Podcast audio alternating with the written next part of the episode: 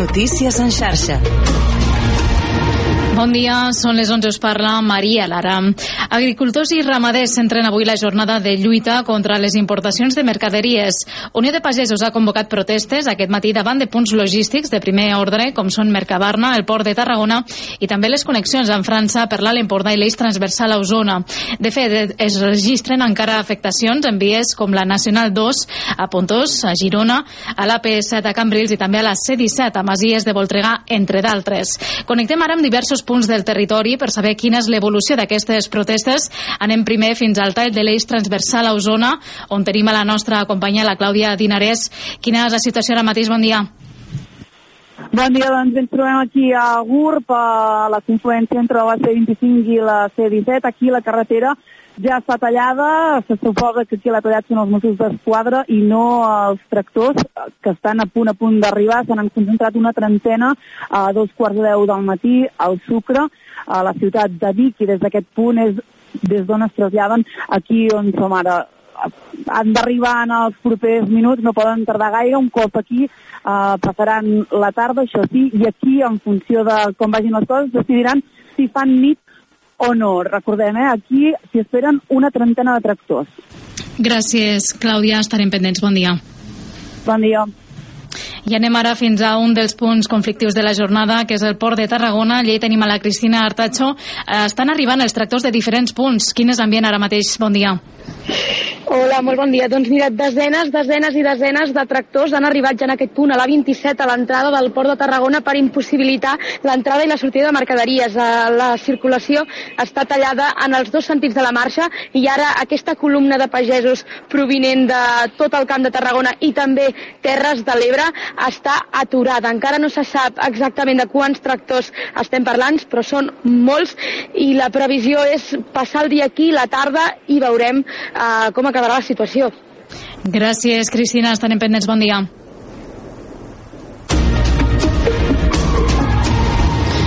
I anem ara perquè el govern està ultimant la posada en marxa del servei de distribució de productes menstruals reutilitzables gratuïts a les farmàcies. El Departament d'Igualtat i Feminismes està fent proves tècniques a 13 punts del territori amb la previsió que el repartiment comenci en les pròximes setmanes. Un cop es posi en marxa, el 90% de les farmàcies de Catalunya distribuiran copes menstruals, calces i també compreses de tela de manera gratuïta. I això és tot fins aquí les notícies en xarxa. 100 anys al teu costat. Ràdio Sió amb el centenari de la ràdio.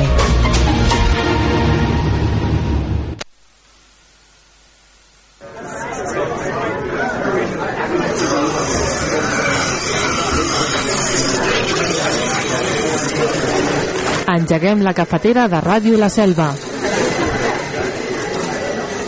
De dilluns a divendres, d'11 a 1 del migdia, amb Toni Mateos.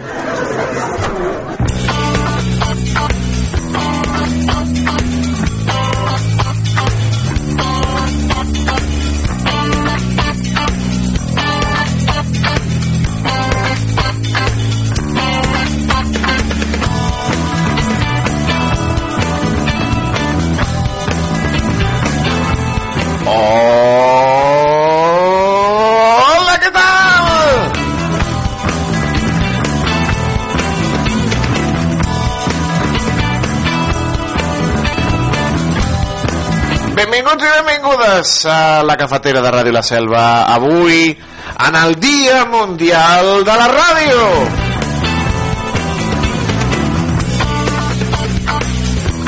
Per què? Perquè se celebra el 13 de febrer.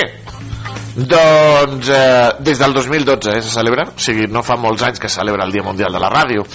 Se celebra anualment el 13 de febrer perquè commemora la data d'establiment de la ràdio de Nacions Unides l'any 1946. La ràdio de Nacions Unides, doncs mira, va sortir un 13 de febrer del 46 i el 13 de febrer s'estableix com el Dia Mundial de la Ràdio. I a més a més coincidint, amics i amigues, que avui, bueno, aquest any, el 2024,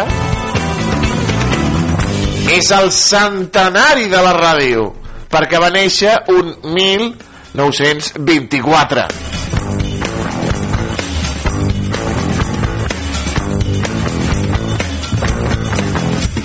Bueno, a veure, la història de la radiocomunicació ja ho saben, el, les teories de les ondes electromagnètiques el 1873 Nikola Tesla, Marconi, el 1901, el primer sistema de ràdio del 1901 que travessava l'Atlàntic, etc etc. Bueno, aquest, aquestes coses, amics i amigues, tan meravelloses de la ràdio.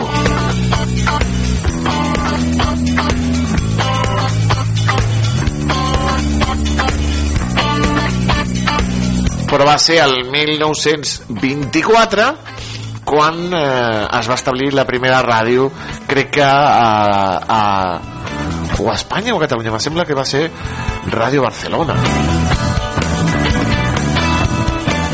Això, això ens ho diu aquí la, la, la Wikipedia. Ràdio Barcelona Ràdio Barcelona eh, història. A veure la Wikipedia. Veus? Ràdio Barcelona el 14 de novembre del 24 És a dir, que la primera Associació Nacional de Radiodifusió va començar les seves emissions el 1924 i a més a més amb una dona, amb la Maria Sabater.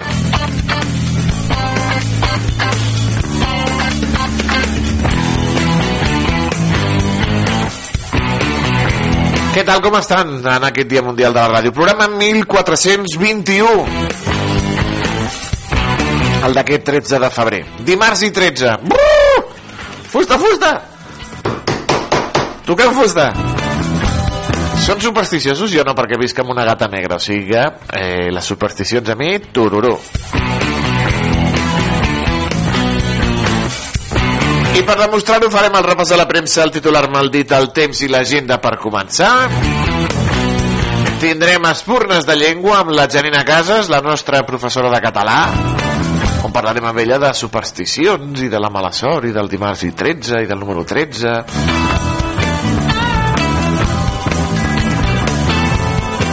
espurnes de llengua, de llengua ja ho saben amb el amb els companys i companyes.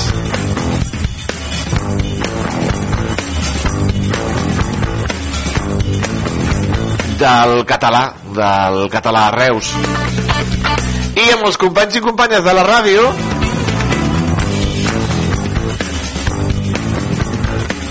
Amb els eh, col·laboradors de Ràdio La Selva ens han preparat avui una peça especial per commemorar aquest Dia Mundial de la Ràdio. Podran escoltar-lo al voltant de quarts d'una dos quarts d'una aquí a Ràdio La Selva. Aquí a la cafetera amb la gent de la ràdio en el Dia Mundial de la Ràdio.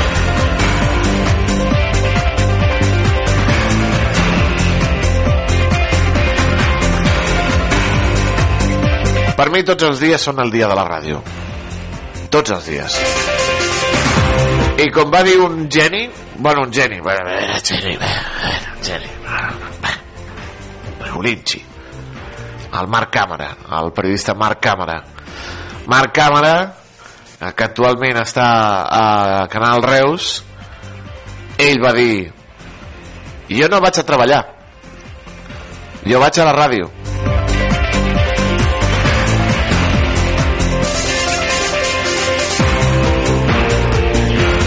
Doncs subscric totes aquestes paraules i jo no vaig a treballar, jo vaig a la ràdio.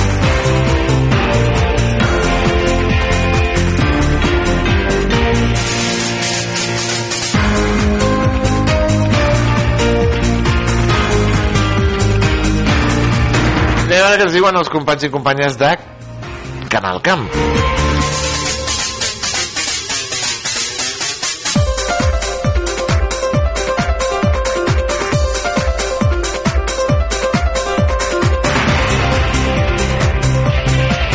Ens parlen de la xerrada, de la tradició musical al municipi de la Salvença.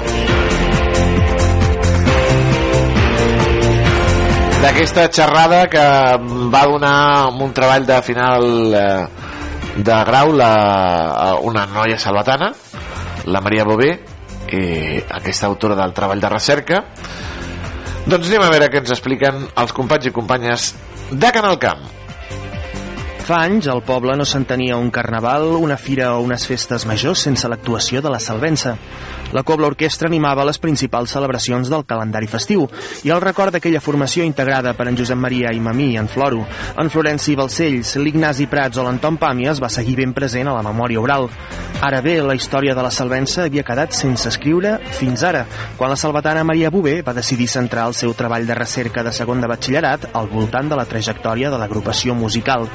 Divendres passat, Bové presentava la seva investigació davant d'una sala museu de Coselva plena a vessar, en un acte organitzat conjuntament des de l'Associació de Dones i la colla sardanista Germanó. Moguda per l'interès per la història de la música a la selva, la vinculació familiar amb la música i la pròpia Salvença, Maria Bové no només va detallar la vida de la formació i les biografies dels seus integrants a partir d'entrevistes amb els seus familiars, sinó que també va localitzar, analitzar, classificar i en alguns casos restaurar les més de mil partitures de les obres que interpretava la Cobla Orquestra, així com la correspondència, els cartells o els programes de mà de les seves actuacions. He dividit el treball en tres parts. Primer he fet bueno, una petita introducció del món de les orquestrines a la nostra terra. Després, la primera part és la part més biogràfica, és a dir, les biografies dels integrants, que això ho he fet amb les entrevistes que he fet als familiars dels integrants. Després, la segona part és la part que ha sigut més àmplia, la del fons musical, on he recollit eh, tota la documentació i he fet un buidatge de dades i l'he posat en un arxiu i finalment després he recollit anècdotes, els cartells, programes que ens recordaven a les famílies, etc. A través d'una participativa presentació en què el públic va poder posar cara als músics, recordar algunes de les peces que interpretaven i descobrir fins i tot aspectes inèdits de la Cobla Orquestra, Maria Bové també va voler demostrar que sense la Salvença no podríem entendre l'arrelada tradició musical del municipi abans de que jo hagués fet aquesta recerca, aquest treball, molta gent doncs, en desconeixia els orígens o els integrants o què era. Eh, i gràcies a aquesta recerca doncs, molta gent està molt contenta perquè he replegat tot un munt de documentació i un munt d'informació que molta gent n'era familiar i no n'era conscient i doncs la gent jo crec que s'ha familiaritzat més amb aquesta orquestra cobla d'aquí al poble fundada per Josep Maria i Mamí possiblement a la dècada dels anys 20, el final de la Guerra Civil va obligar la Salvença a aturar la seva activitat.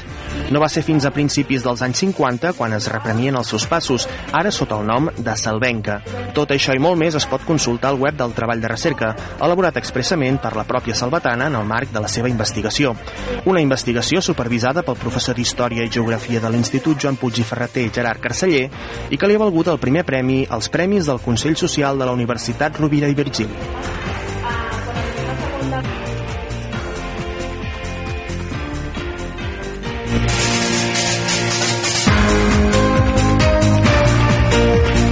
Fantàstic treball d'aquesta orquestra de la Salvença.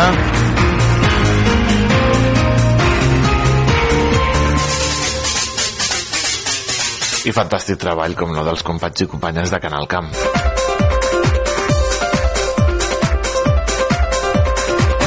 Anem a veure què ens diuen del Reus Digital. Noves protestes dels pagesos amb concentracions al Port de Tarragona.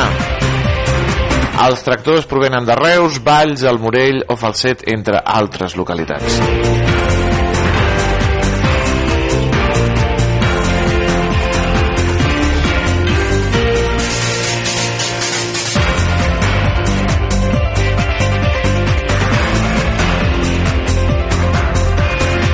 PortAventura tenia un pla d'autoprotecció homologat, però caducat des del setembre.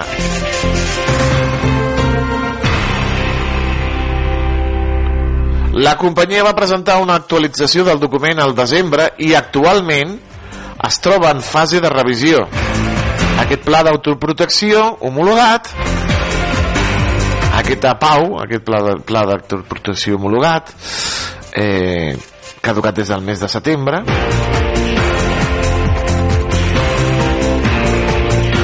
tot això després de l'accident amb ferits una tracció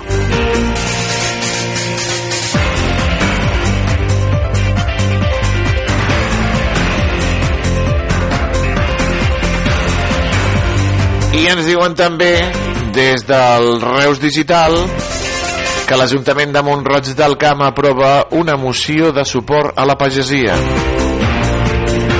Tots els grups municipals del consistori recolzen una moció que posa en valor el sector de la pagesia com un sector estratègic i essencial per Catalunya.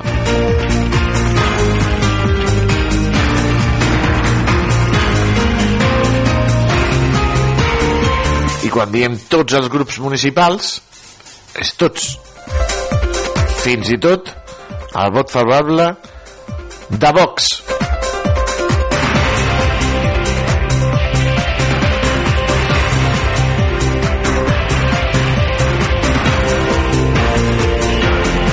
Els pagesos tornen a protestar a Tarragona amb una tracturada. En aquesta ocasió, l'acció se centrarà al Port de Tarragona per denunciar la competència deslleial que suposen les importacions. Ens ho diuen des del Tarragona Digital.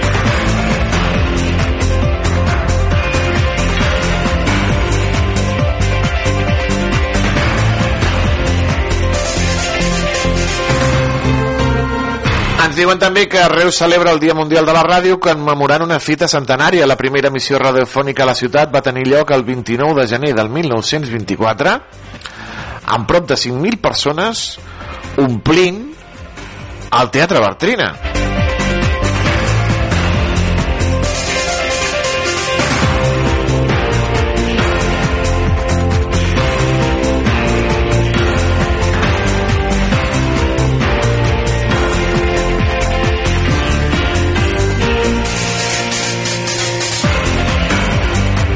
La secció científica del Centre de Lectura va fer possible aquesta fita al Teatre Bartrina.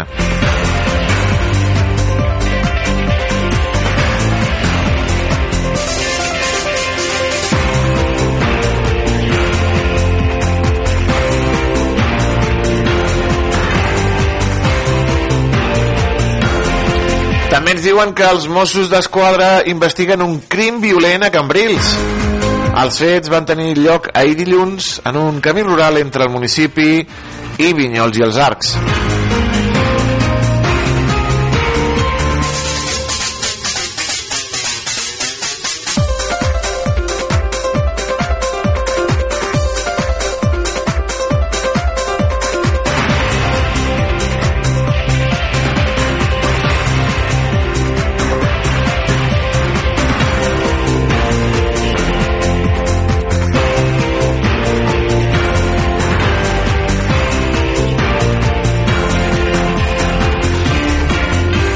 La ONCE busca 30 nous venedors per treballar en diferents municipis de Tarragona. Els interessats poden assistir a una sessió informativa on s'explicaran tots els detalls per entrar a formar part de la ONCE.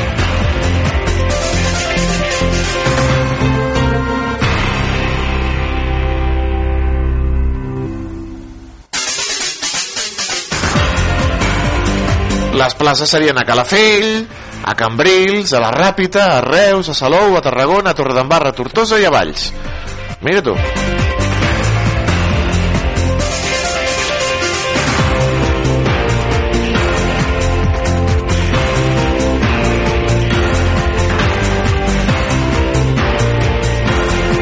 La sessió informativa serà el dijous 22 a les 10 del matí a 11 Tarragona, a la Rambla Vella.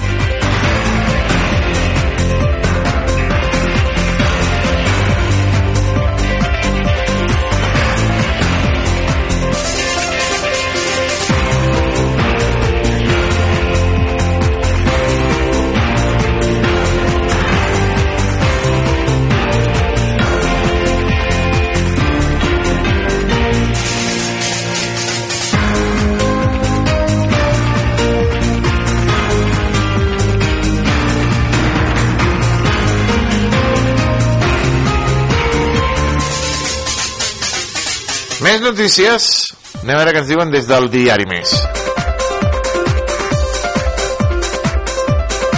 Per cert, si agafen avui el diari Més, els papers, eh, en format paper, i el giren, a la contraportada trobaran el cantante del Greco. La sala cero apuja els decibels.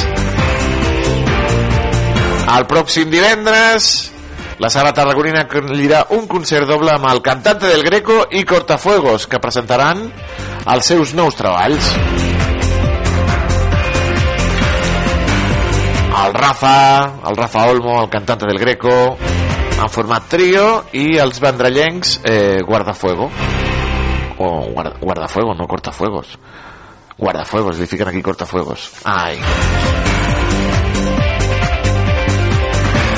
L'Ajuntament de Tarragona valora construir un edifici annex al Palau Municipal per ubicar-hi les seves oficines.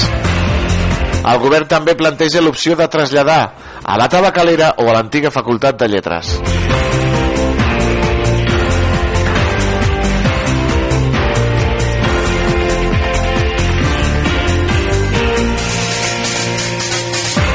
L'adequació del camp de rugby a Tarragona acaba amb anys de reivindicacions.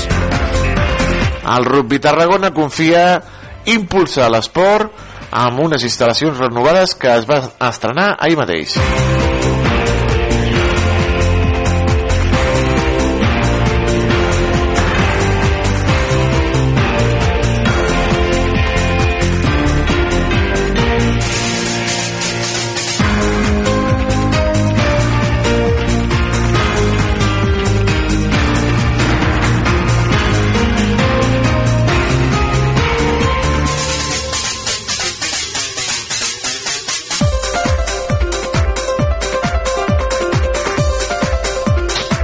Diari de Tarragona.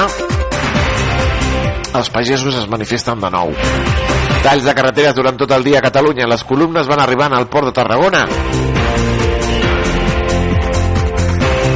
També ens diuen des del diari que Reus menja fort per recuperar-se del carnaval amb l'Expo Profit.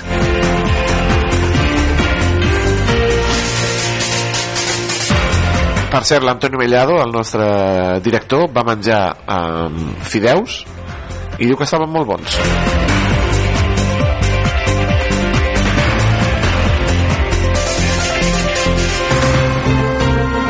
Mentrestant, a Deltebre es prepara per a un multitudinari carnaval.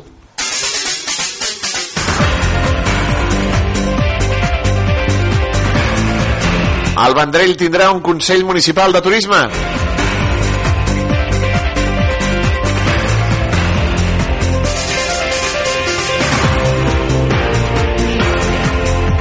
Dos anys i mig de presó per colpejar i llançar insults homòfobs a dos homes a Tarragona. Acord entre PSC i Esquerra a Tarragona per la tabacalera universitària. Vents de fins a 141 km per hora deixen més de 50 intervencions dels bombers.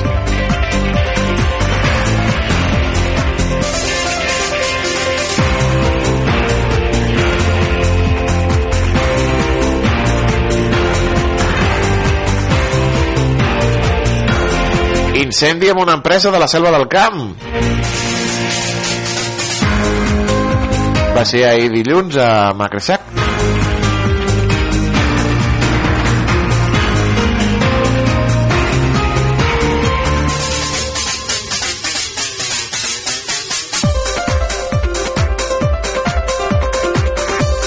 També incendis a Vallmoll, a Valls i al Vendrell.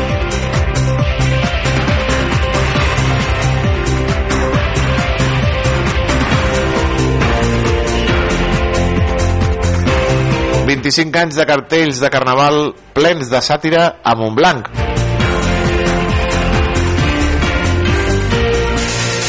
Cuidado amb els cartells, amics i amigues, ja ho veuen el que ha passat amb el nou disc dels Estopa i la intel·ligència artificial que els hi va dir al Handy, sí, sí, lo he hecho yo, lo he hecho yo, pero no lo has hecho tú, Handy. Y ahora digo al Handy, bueno, es que me dieron poco dinero.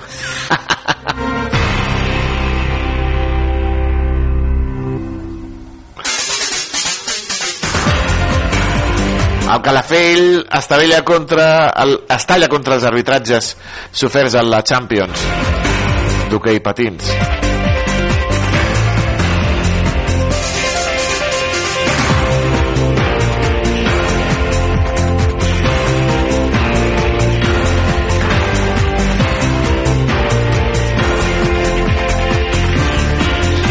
I el Monaguillo actuarà a Tarragona.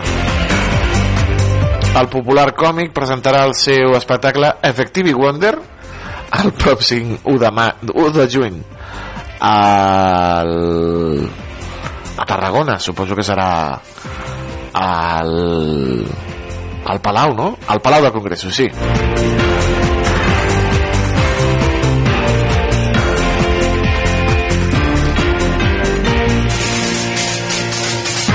El periòdico ens diuen que els tractors preveuen bloquejar avui Mercabarna i el Port de Tarragona. Els agricultors de Girona faran marxes lentes a la Nacional 2 a l'Empordà, a prop de la frontera amb França. Les protestes se centren en la competència deslleial dels productes des de fora de la Unió Europea.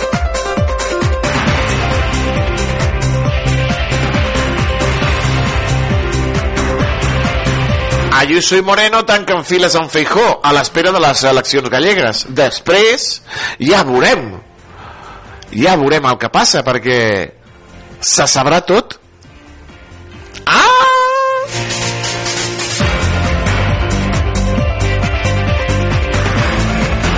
comandaments de defensa estan a favor de que l'armada combati el narcotràfic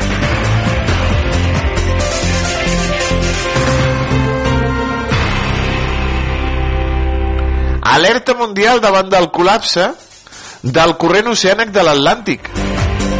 D'un possible col·lapse del corrent oceànic.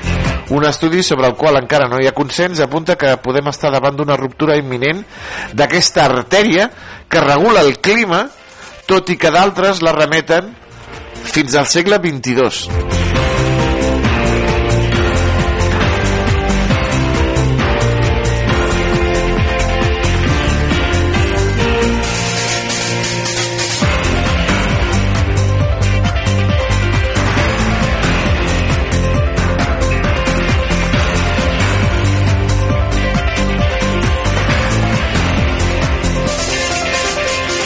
Aston Martin presenta el nou AMR24 de Fernando Alonso que, bueno, mmm, no sabem si té a veure amb el cotxe del carnaval d'aquí, no? Eh? No en recorden?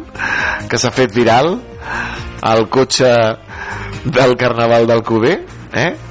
Ojo, eh? Doncs ara tenim el nou Aston Martin de Fernando Alonso.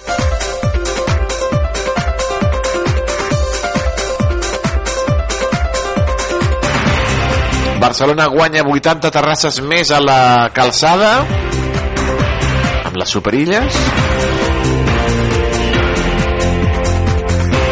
El 94% dels espanyols a favor de limitar el porno als menors.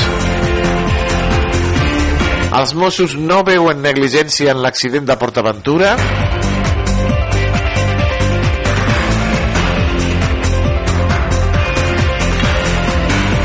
Milei i el papa Francesc es reconcilien al Vaticà?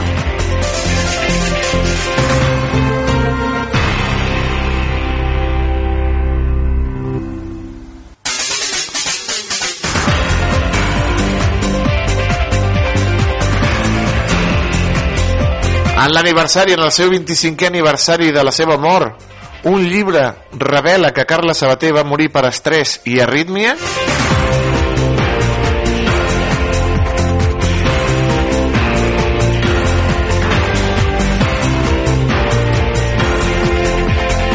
Tanquem, amics i amigues, com sempre, amb el punt avui.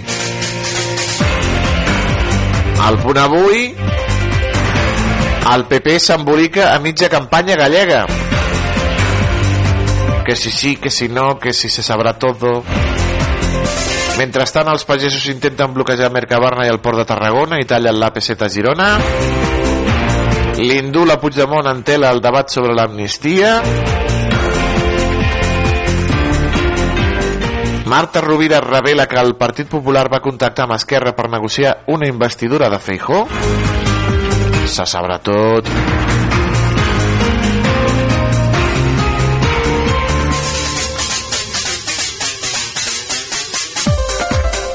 Ayuso tanca files amb Feijó. Després ja veurem. En aquest assalt a la fortalesa del PP. Israel rescata dos hotatges a Rafah en una operació amb desenes de morts palestins. Carmen Calvo renuncia a l'acte del Congrés per presidir el Consell d'Estat.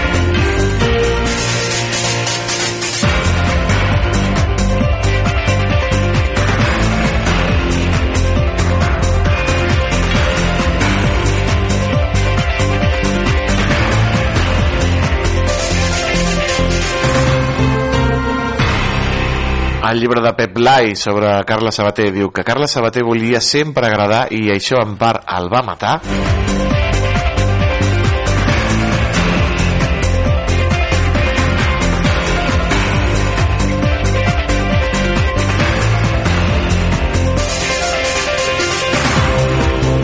Ardibel González es classifica per les semifinals dels 200 metres papallona del Mundial de Natació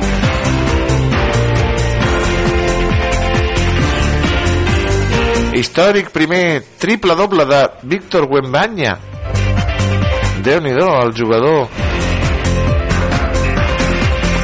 27 punts, 14 rebots 5 assistències i 10 taps en la victòria dels Spurs a Toronto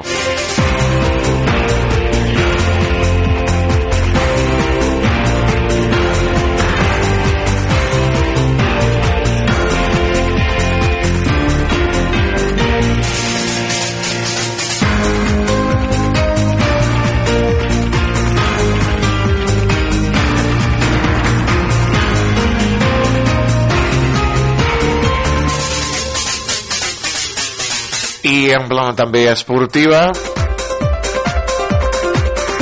El punt avui per tancar ens parla de que el Barça està a la pantalla d'inici. El Barça. Ai, a la pantalla d'inici tu.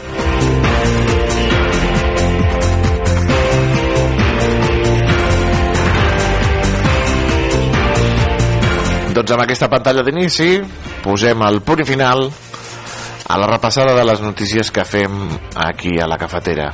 Aquí, a Ràdio La Selva.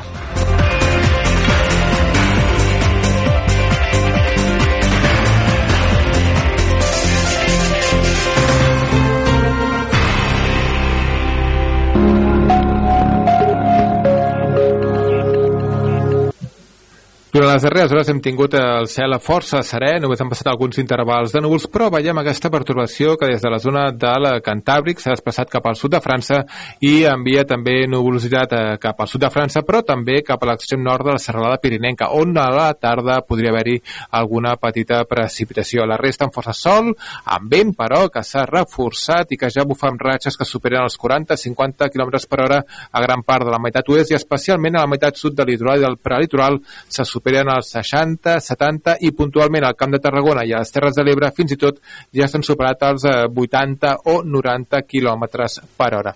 Així doncs, de cara a aquesta propera tarda hem d'esperar que es mantingui la nuvolositat, especialment cap a la zona del Pirineu, a l'extrem nord sobretot, on pot haver-hi alguna feble precipitació, que de, de neu al voltant dels 1.200 metres aproximadament, però sobretot destacable el vent, que s'ha de reforçar encara més i a mitja tarda vespre arribar al seu màxim amb ratxes que poden superar els 90 km per hora en algunes comarques. De fet, a les comarques de la meitat oest hi ha aquest avís que hem emès des del Servei Meteorològic de Catalunya per la possibilitat que, segons la comarca, se superin els 70 o els 90 km per hora. Fins i tot a les Terres de l'Ebre es poden superar els 100 km per hora i a cotes altes del Pirineu també les ratxes de vent seran destacables, però especialment a la meitat sud del litoral i del prelitoral és on el vent es farà notar amb més intensitat.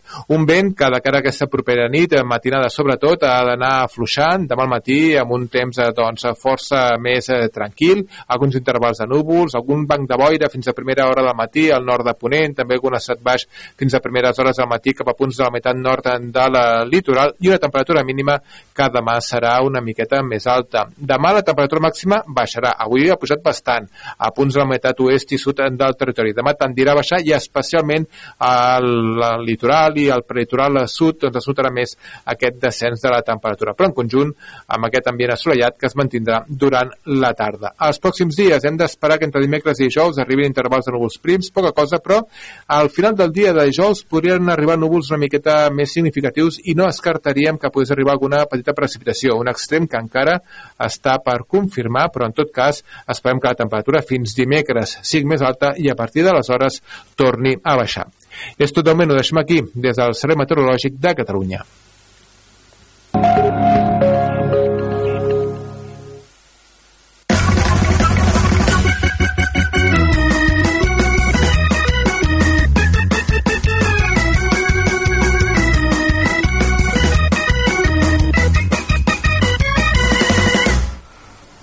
Curtcircuit a la central nuclear d'Escó. La central nuclear d'Escó notifica un curtcircuit sense impacte en la seguretat. S'estan realitzant tasques de manteniment en el lloc dels fets amb aquesta nova parada de la central nuclear d'Escó 2 per un curtcircuit. Titular mal dit o titular ben dit.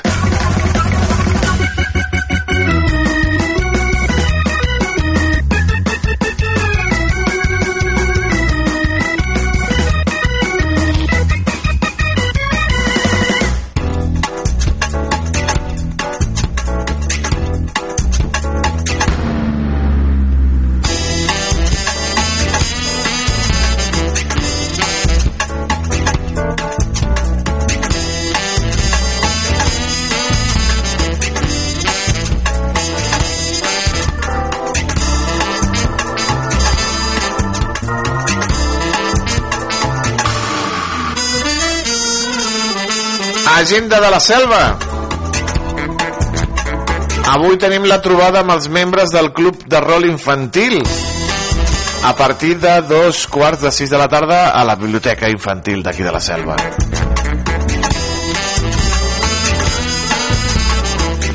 I demà l'enterrament de la sardina a la zona escolar organitzat per la regidoria de festes i amb les colles de carnaval a partir de quarts de 6 de la tarda.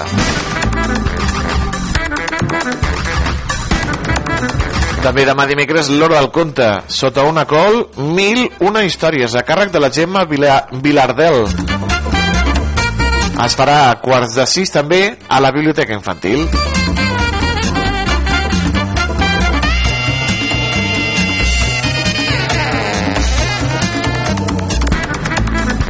Dijous, pageses de l'Avellana, una xerrada a càrrec de l'Ester Gomis, pagesa i presidenta de la DOP Avellana de Reus. Un acte obert a tothom que es farà a partir de dos quarts de cinc de la tarda a la sala Museu de Coselva i organitzat pel grup de dones.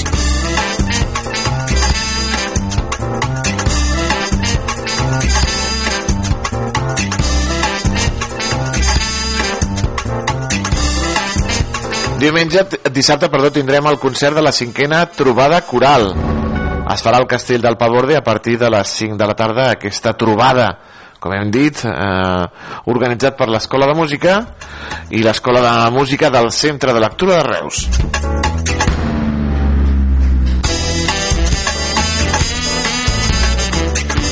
I més música diumenge amb un concert de música solidari a càrrec dels violinistes de l'estació. Serà al Castell del Pavore a partir de les 7 de la tarda amb taquilla inversa i organitzat per Creu Roja.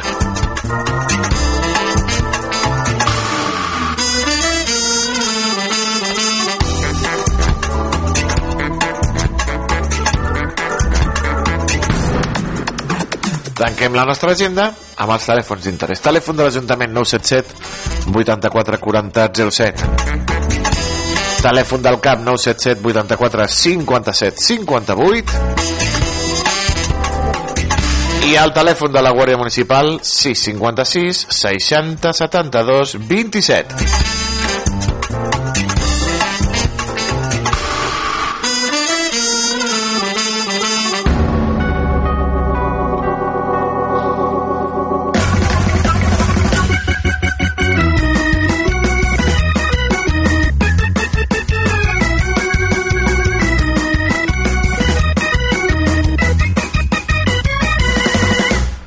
Curtcircuit a la, a la, a central nuclear d'Escó.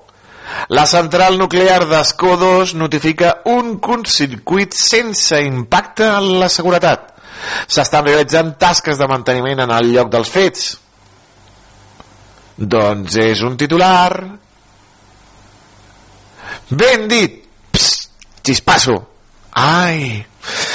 La central nuclear d'Escó ha notificat una parada per restablir l'operabilitat del seu quadre d'alimentació elèctrica perquè ha patit un curtcircuit amb una petita quantitat de fum i de calor, sense flama, diuen. Tot i que la incidència no ha tingut impacte en la seguretat. Bueno, si estem respirant i no ens estem desfent, és que la cosa va bé. Quan la cosa vagi malament, potser ni, ni ens entenem, tu, ni ens entenem.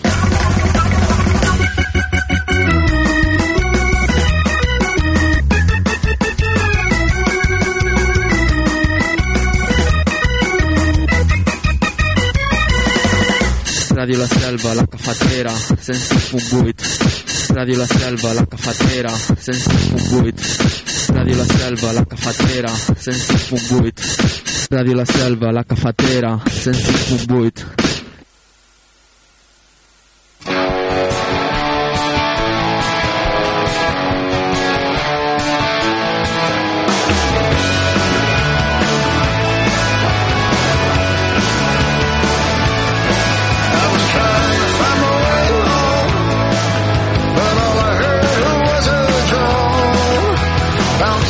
for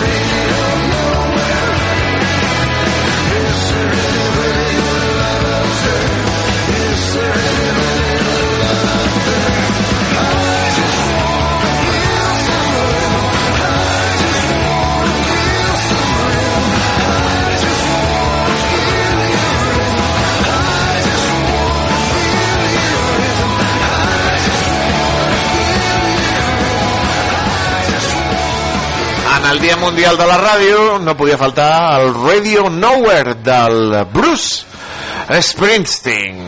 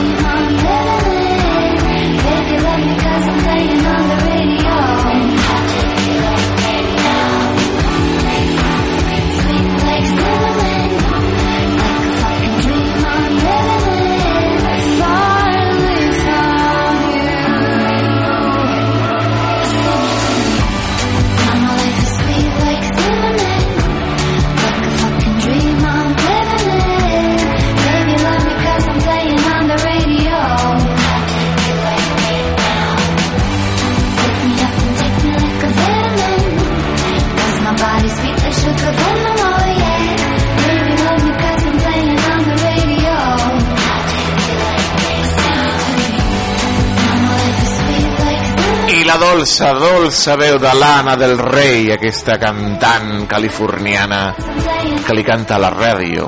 Radio.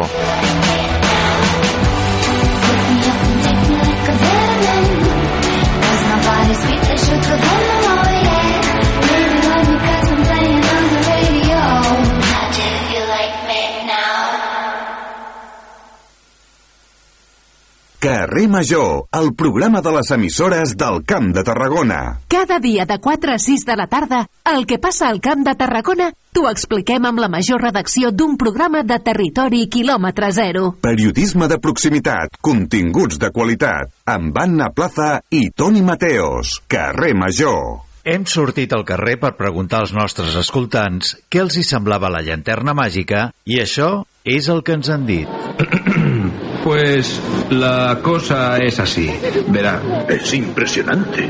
Me encanta, me encanta. Mola. Me gusta cómo suena. ¡Qué bonito! Si us agrada el cine i les bandes sonores, vosaltres també podeu formar part dels escoltants de la llanterna màgica. Tots els dimecres, a les 8 del vespre, la llanterna màgica a Ràdio La Selva.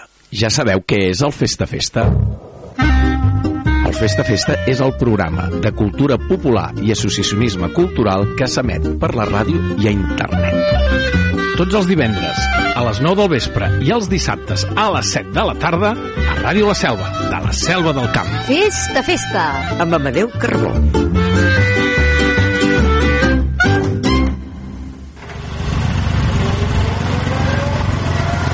Ràdio La Selva.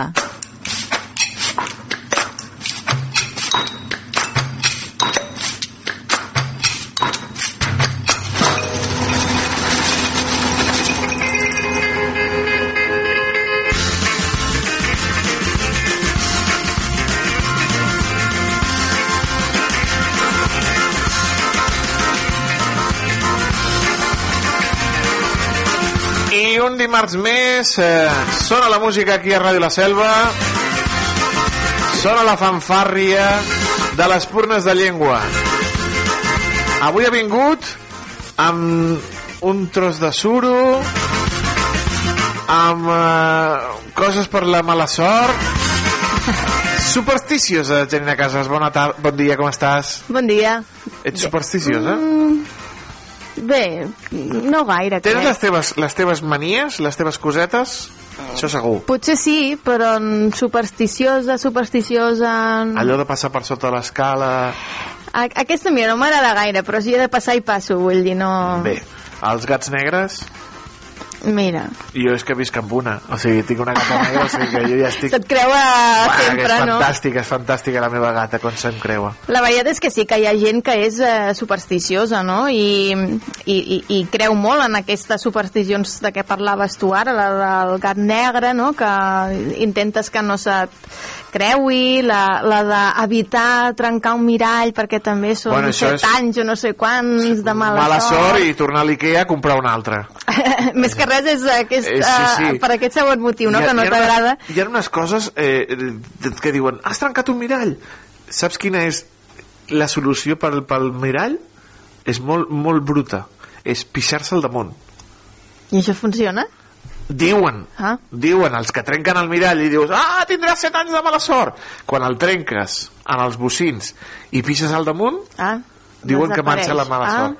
Però després has de recollir-lo amb els teus peixums. Encara és pitjor. Encara és pitjor, encara és pitjor. I el dimarts 13, Clar, com avui. com avui, Sí, sí, aquesta és una altra, no?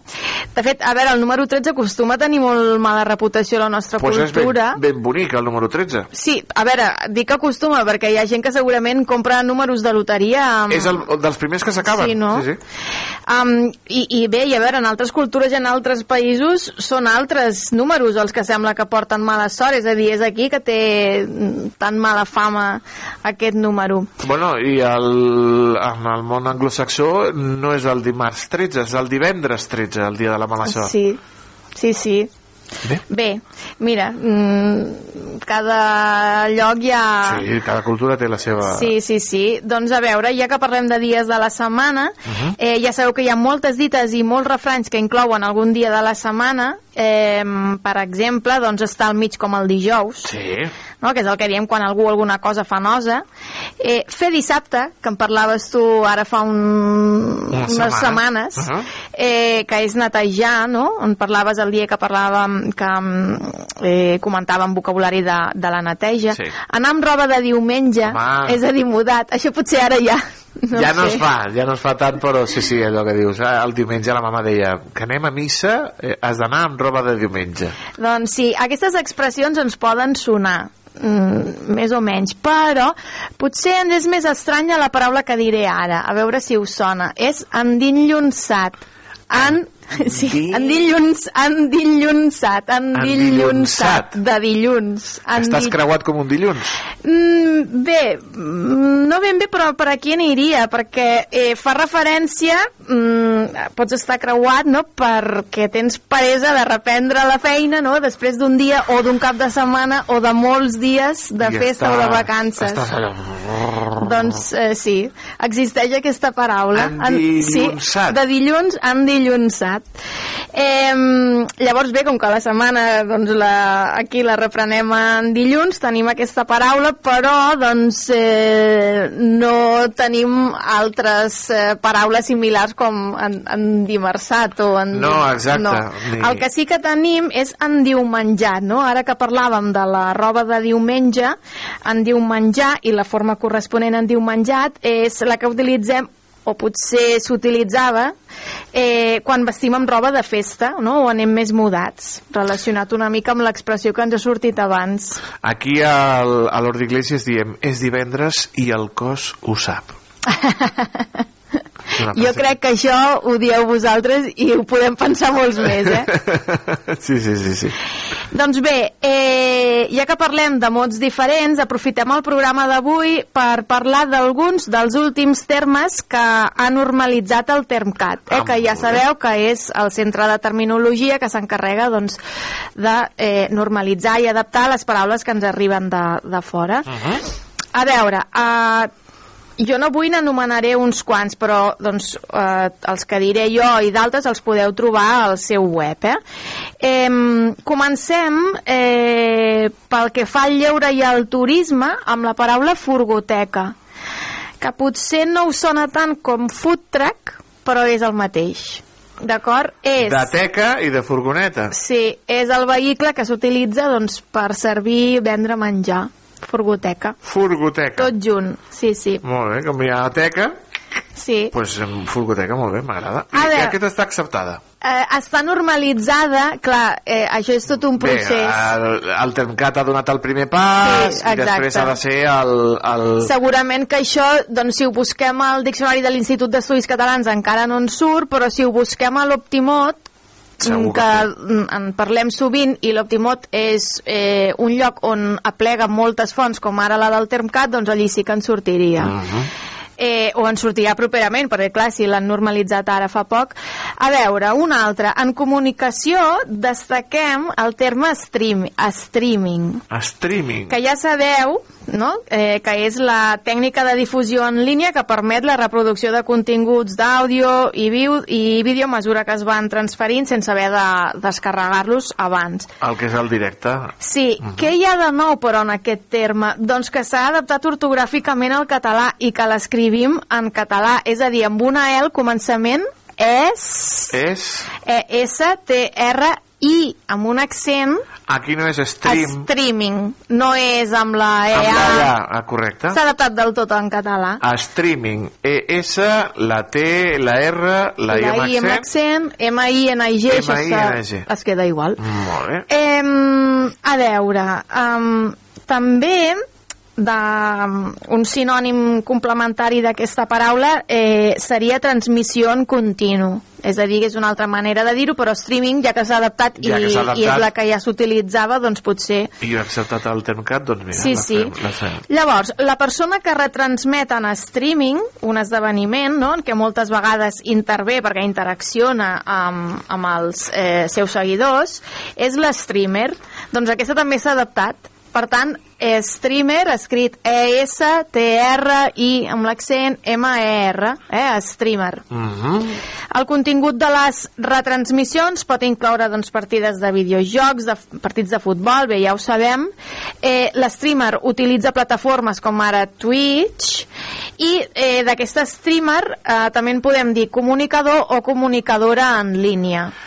Streamer potser ja que, ja que és el que s'utilitza, no? I ja que l'han adaptat i és més curta, L'Ibai Llanos, Sí, sí, és un streamer. L'streamer més famós de, Exacte. del país, doncs és uh, aquest comunicador en línia, sí, sí. doncs és un streamer. És un streamer, sí, sí.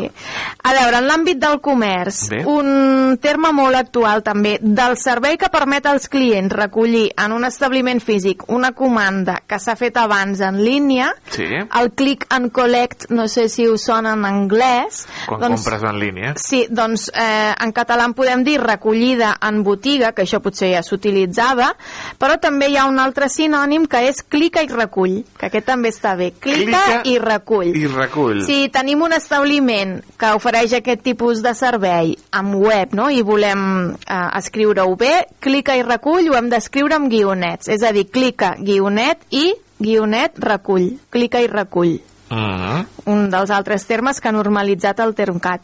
En informàtica eh, destaco també un terme que crec que alguns agrairan o agrairem. A veure, el dispositiu que permet l'accés d'altres dispositius a internet, ja sabem que és conegut, bé, és el router. El no? router. El router. Uh, aquesta forma, però, sovint la veiem escrita amb OU. Sí, Router. Router, sí. I no és correcte. L'equivalent en català fins ara era solament encaminador. Un encaminador. És el router, un encaminador. Vaja. Clar, és difícil de recordar potser encaminador, però resulta que el Termcat el que ha fet ara és normalitzar la paraula router i per tant ja s'accepta, però clar, l'ha adaptat a l'ortografia del català i per tant escrivim R-U amb accent T-E-R, router. Per tant, per això deia que alguns l'agrairien, perquè clar, això d'encaminador és més llarg, costa La més de ruta. recordar, no? I en canvi, mm, router no. Router. Eh, I bé, uh, ja que parlem de mots normalitzats, acabem, bé, encara no acabem, però continuem el programa fent referència a un tema que normalment aquí a les Purnes de Llengua l'acostumem a tractar a finals d'any. Uh -huh. El que passa que aquesta vegada parlant de Nadal i de jocs, doncs al final ja no ho vam fer. M'estic referint al neologisme de l'any. Sí, senyora. Eh, ja ens queda una mica lluny, eh, perquè clar, és a finals d'any quan es fa, ara ja, ja ha passat un mes mm, i mig, eh, però bé, Eh, potser, doncs bé, ja sabeu no, que l'Observatori de Neologia de la Universitat Pompeu Fabra, amb la secció filològica de l'Institut d'Estudis Catalans, promouen cada any les votacions d'aquest neologisme de l'any. Aquesta vegada, aquest any, el mes de desembre, es van oferir dues llistes de mots, de dues categories diferents. Una era la llista de la paraula nova, que es va triar amb la llista de candidats representatius de l'any, que és el que es feia cada edició, no? Segons el que havia passat aquell any, doncs hi havia uns termes que es proposaven. Eh, el que passa és que aquest any, a més a més, hi va haver la possibilitat de votar també la paraula corrent. I es Nova votava i corrent. es votava la paraula corrent a partir d'una llista de paraules que no són gens noves, no són gens noves, però que estan molt implantades en l'ús social. Ara les veurem, eh? I us sorprendran, crec. La característica que tenien en comú les dues llistes és que cap de les paraules eh, candidates surten al diccionari normatiu, no? De manera que són neologismes, són paraules noves des del punt de vista lexicogràfic, perquè no apareixen en el diccionari. Llavors, com sempre, l'Institut d'Estudis Catalans doncs, té el compromís d'estudiar amb atenció especial aquests mots guanyadors per mirar d'incorporar-los en el diccionari normatiu. Eh, pot ser que en aquest canvi de, que hi va haver aquest any, doncs, eh, potser hi té a veure el fet que l'any passat, el 2022, el neologisme més votat va ser birra. Clar, Birra. birra era la primera vegada que un mot antic i superutilitzat de sempre, no? O, sempre. o, o Posa molt comú, doncs eh, no, no, és un, era un mot o és un Només mot que no present al diccionari, clar. Eh, per tant, bé, doncs per això hi va haver aquest any aquestes dues, la proposta de les dues llistes. Llavors, les formes més votades de la que va ser la desena edició van ser viralitzar a la llista de paraules noves, Viralitzar. que, que doncs, era de les que es proposaven més usades en aquell any, Sí, quan una cosa es fa viral, quan un vídeo, alguna Sí. imatge es fa viral, és que, que ja ens encaixa, eh, en aquest cas. Però fixeu-vos quina va ser la paraula um, de la llista de paraules corrents encara no incloses al diccionari. Va ser tiet i tieta. No estaven acceptats? A veure, um, és que això sorprèn. Si ho busqueu ara mateix, si teniu uh, el, el, qui ens estigui escoltant, si té un mòbil a la mà o si està treballant uh, amb un ordinador i té un minut i entra al web, per exemple, al diccionari de l'Institut d'Estudis Catalans i busca tiet, no surt tiet. El que surt és oncle. Oncle. Llavors, eh, per anomenar el germà o, o la germana del pare o de la mare, eh, teníem oncle o tia, no?, respectivament. Eh, el que passa és que tiet i tieta s'han utilitzat sempre. Home, Per tant, Jo és el tiet. normal, clar, és que és molt normal que hagi sortit, eh, aquesta és la paraula guanyadora, eh, tiet i tieta. jo sóc el tiet Toni i després hi ha, bueno, i quan algunes, algunes senyores o xiques són molt tietes. Ah, bé, però això ja és una altra cosa. Però, en, Però- però, però en, aquest, en aquest sentit és que sorprèn molt que no, Que no estigui estigués al tiet i diccionari. I mireu, al costat de tiet i tieta, ara us diré les altres candidates. A veure. D'acord? Em, si voleu, les candidates que hi havia a la categoria de paraula nova les podeu buscar vosaltres per no allargar-nos, no? Si busqueu al web del, de, de, de la Universitat Pompeu Fabra, l'Observatori de Neologia, allí les trobareu. Però jo destaco les, les altres candidates que hi havia al costat de tieta i tieta perquè és que sorprenen bastant. A veure, dues eren bici i, i porno. Aquestes dues... No. No, a veure, sí que surten bicicleta i pornografia, però la forma, diguéssim, aquesta més abreujada no. Ahà. Bé, mm, ens, ens pot sobtar, però bé. A banda d'aquestes, una altra és brutal. Brutal, Brutal. o sigui, brutal, si la busquem al diccionari surt, té diferents significats, però en el sentit del que diu el Marc Riba, no? Això és brutal, no? Quan una acaba cosa de... Sí, sí, quan una cosa és brutal, dius... Doncs, en aquest sentit, no, de, de molt gran, de molt bo, a, a aquest significat no apareix. Els... tampoc apare, apale, a, perdoneu, apareix plataforma eh, en el sentit, o sigui, per referir-nos al conjunt d'aplicacions en línia que proporcionen un entorn per a la realització d'activitats diverses, no? especialment de comunicació. Clar, plataforma sí que relativament és una paraula nova, però no tant, no? perquè no estigui inclosa en el diccionari. Sí que existeix plataforma en altres sentits, però no en, altre aquest, sentit, eh? Una plataforma petrolífera. Sí, sí. No en el que dic jo ara, de més de La comunicació. plataforma Netflix no, Sí. no existia. Ah. Mireu la que us diré ara, és que aquesta també sorprèn molt. Quiròfan. Si Que- la que- busquem, a no veure, surt. Com, a veure, explica'm això, Janina. Uh, si la busquem no apareix al diccionari. La forma que apareix és sala d'operacions. Però quiròfan, que és una paraula tan i tan i tan i tan Com i som tan els catalans, eh? Com som els catalans, eh? Quiròfan no hi és. I si està escrit... Vols dir que no està escrit en els Sí, hospitals? sí, jo crec que fins i tot ja s'escriu i, i la I- podem trobar en retolació. Sí, sí, Per quiròfan això sorprèn, clar, clar, és que per això sorprèn encara més mm, que no hi sigui, no? Perquè és que és que vingui, tan i que tan vingui un comú. metge d'aquells... No, no, no, no, és sala d'operacions. A veure, a veure, clar. és, quirò... és el... Oh, mare de Déu. Llavors, a veure, eh, de fet, eh, Quiròfan no va guanyar, però va ser la segona més votada després de Tieta i Tieta, perquè, clar, és que Quiròfan, com pot ser que... Bé, no ho sé, sorprèn, sí, sí, sorprèn. sorprèn, sorprèn. I uh, altres paraules que també apareixien en aquesta llista, però bé, mm, una és friki, no? com a persona extravagant. Jo sóc un friki i no hi sóc. Oh. friki en, en català seria amb Q-U. Escrita a la catalana, sí. Escrit a la catalana. Però eh, crec que si busquem a l'Optimot, l'Optimot té alguna fitxa que em diu alguna cosa, però si busquem friki friki al diccionari de l'Institut d'Estudis Catalans doncs encara no surt. I clar, i també és bastant comú aquesta. Mira uh, una, unes uh, les, les darreres. Eh, xarxa social. Tampoc surt? Bé, guai escrit amb, amb i llatina no? la catalana tampoc surt. Però la d'ara que diré ara, tampoc surt i també l'haurien d'acceptar potser, no? que és gorro No, home, no. gorro, en la peça de roba que ens posem al Sí. cap, no? sense visera, no, no surt. I clar, i n'has de dir barret o, o gorra sense visera. Has de dir altres... Clar, i no és ben bé el mateix, no? Un barret no és el mateix No és el que mateix un gorro. un gorro.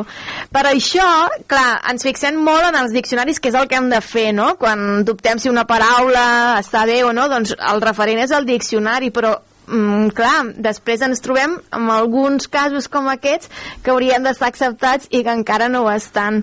Per tant, bé, eh, si l'any que ve es torna a fer, que suposo que sí, perquè cada any es fa, Però és que hauríem d'entrar el neologisme de l'any haurem de proposar, sí, Home, sí, clar. que entrin Gorro, totes, totes les quiròfan. deu que es Sí, sí, proposin. Sí, sí, sí, sí, sí. guai, eh, gorro, quiròfan, friki.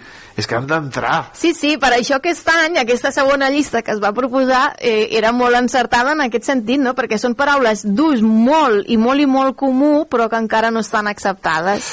Haurem de fer una crida Sí. als senyors i senyores de la secció filològica de l'Institut d'Estudis Catalans perquè s'hi repensin.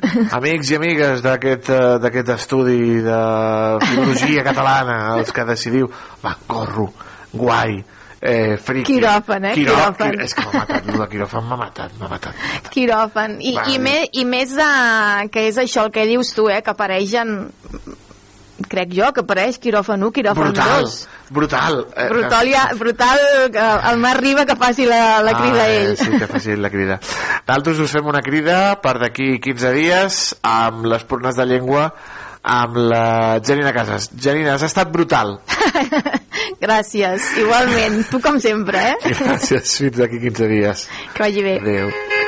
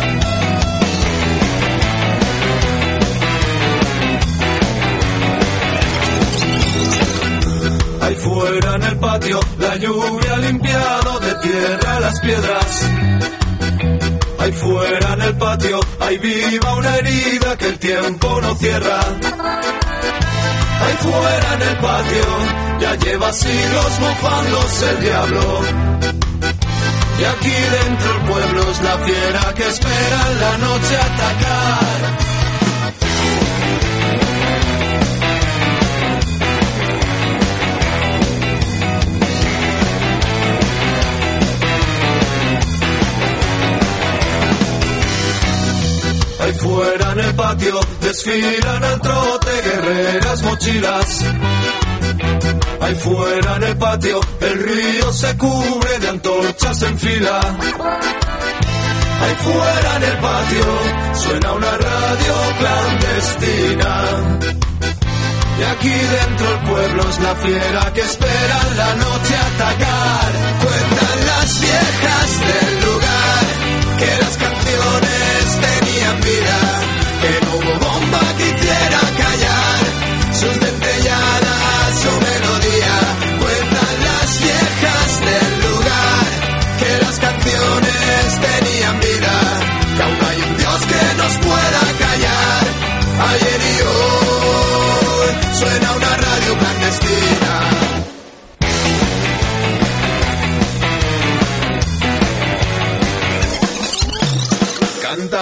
vista desde su ventana.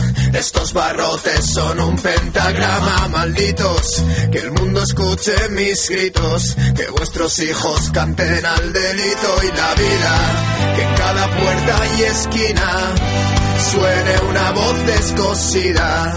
Que aquí dentro el pueblo es la fiera que espera en la noche atacar. Cuentan las viejas del lugar que las canciones tenían vida, que no hubo bomba que quisiera callar sus dentelladas, su melodía. Cuentan las viejas del lugar que las canciones tenían vida, que aún hay un Dios que nos pueda callar. Hay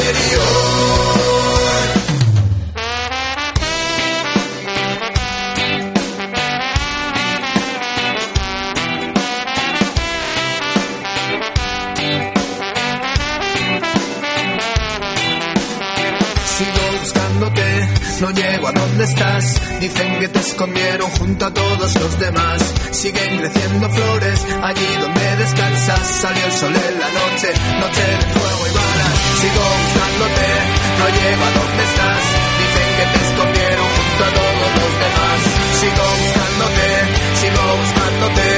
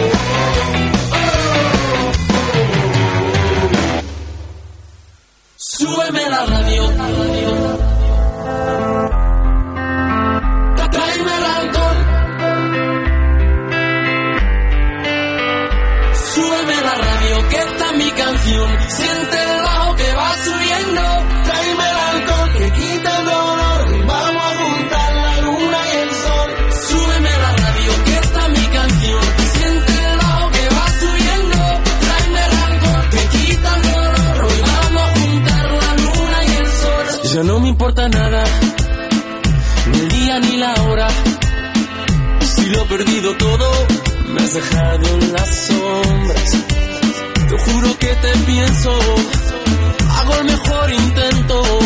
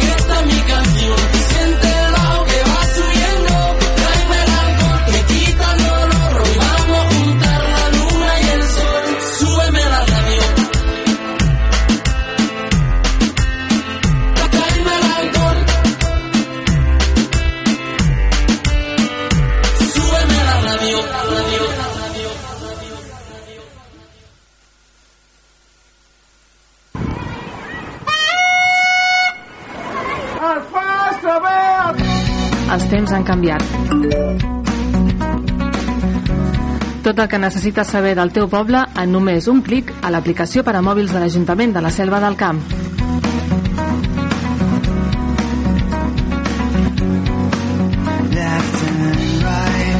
Descarrega-la o actualitza-la al Google Play o a l'App Store. Restaurant Moes. Aquí trobaràs esmorzars de forquilla, entre pans freds i calents, brasa i menús per 9 euros amb 90. Pots trucar al telèfon 977 844 864 977 844 864 per reservar taula o encomanar-ho per emportar. El nostre horari és de dilluns a dissabte de 6 del matí a 4 de la tarda. Vine a les nostres instal·lacions a la gasolinera Cepsa de la Selva del Camp i podràs posar carburant, rentar el teu vehicle i menjar al restaurant. T'esperem a Moes. Ja coneixes la Biblioteca Pública de la Selva del Camp? Descobreix tot un món de coneixement, cultura i lleure. Situada a l'Hort d'Iglésies, la biblioteca proporciona un conjunt d'activitats per a totes les edats que aposten per la dinamització de lectures i per la formació en diferents àmbits.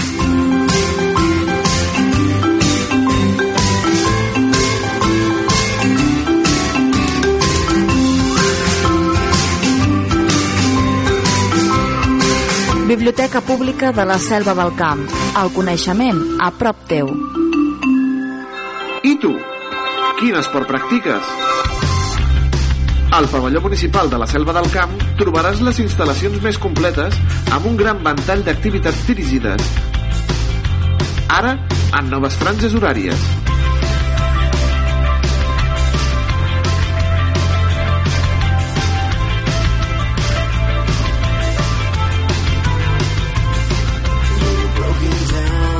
Apunta't a partir de 26 euros. A la Selva del Camp, practica l'esport.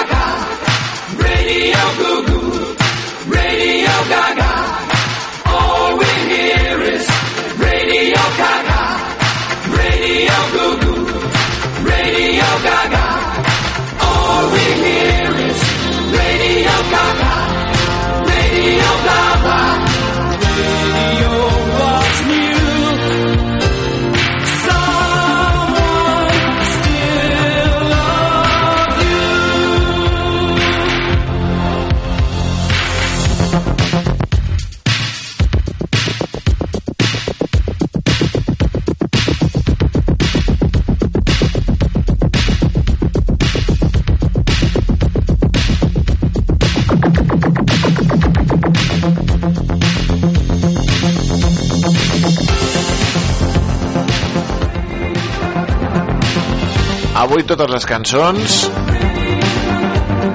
al voltant del món de la ràdio, perquè recordin, avui celebrem el Dia Mundial de la Ràdio. Aquest 13 de febrer.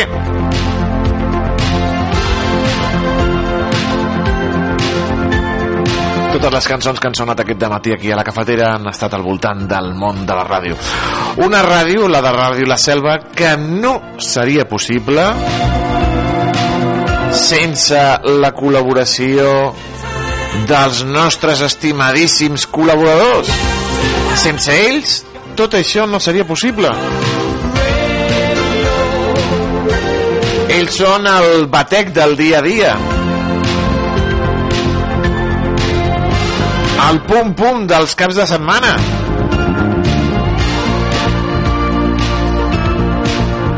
Des d'aquí doncs felicitar a tots els col·laboradors, a tots els radiolos en aquest dia especial de la ràdio. I com que hi volen ser, i com que són la ràdio, com són Ràdio La Selva, ens han preparat un especial que ara mateix podran sentir aquí, al 105.8 de la FM, a les www.radiolaselva.cat i en els seus dispositius mòbils.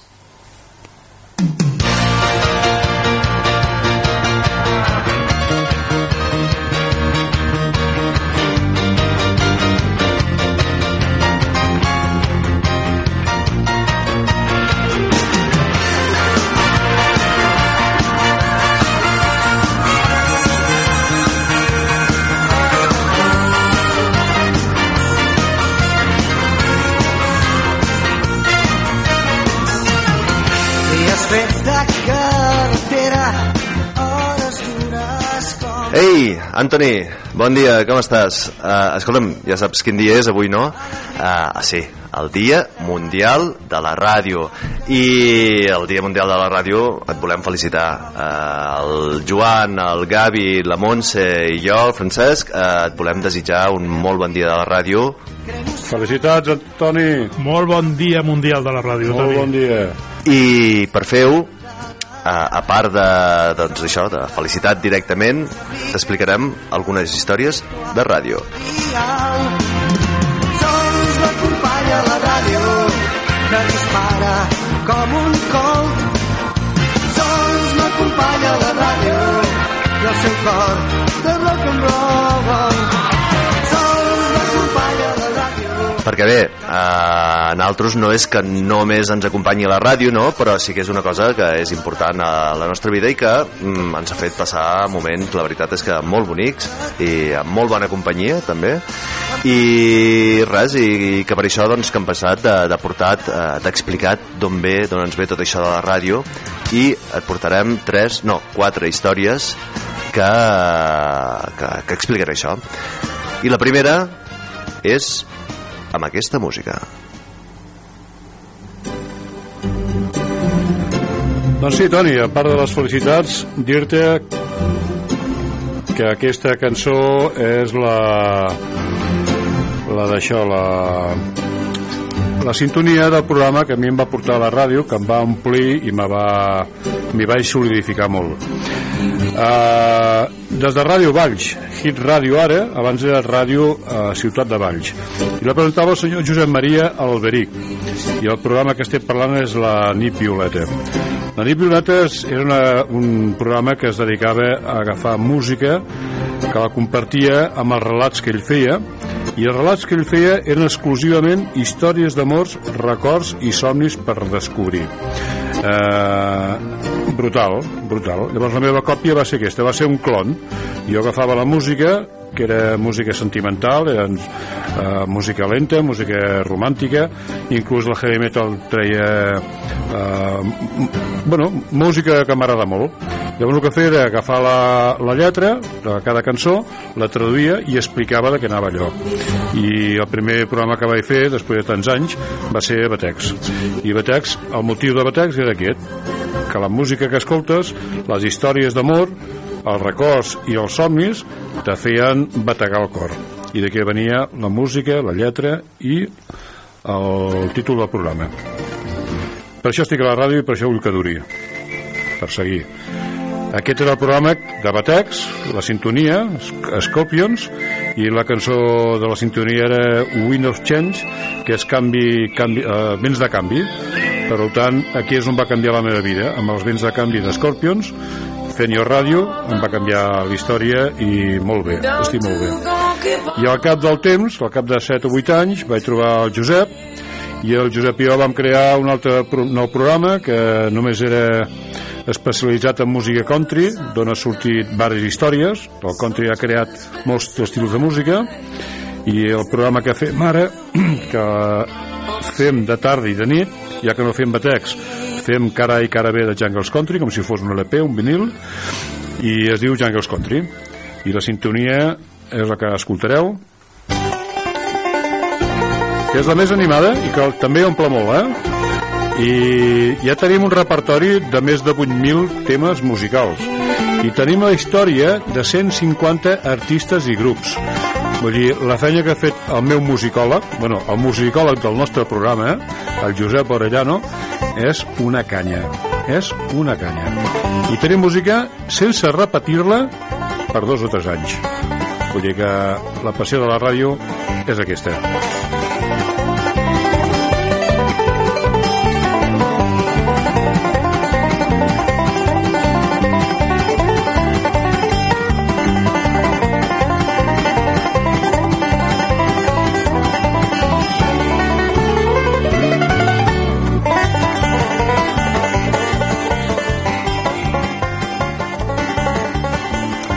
Primera història de la ràdio, perquè darrere de la ràdio hi ha música, gairebé sempre, però a més a més hi ha moltes històries. Uh, I dèiem la primera i ara anem per la segona. No, Joan?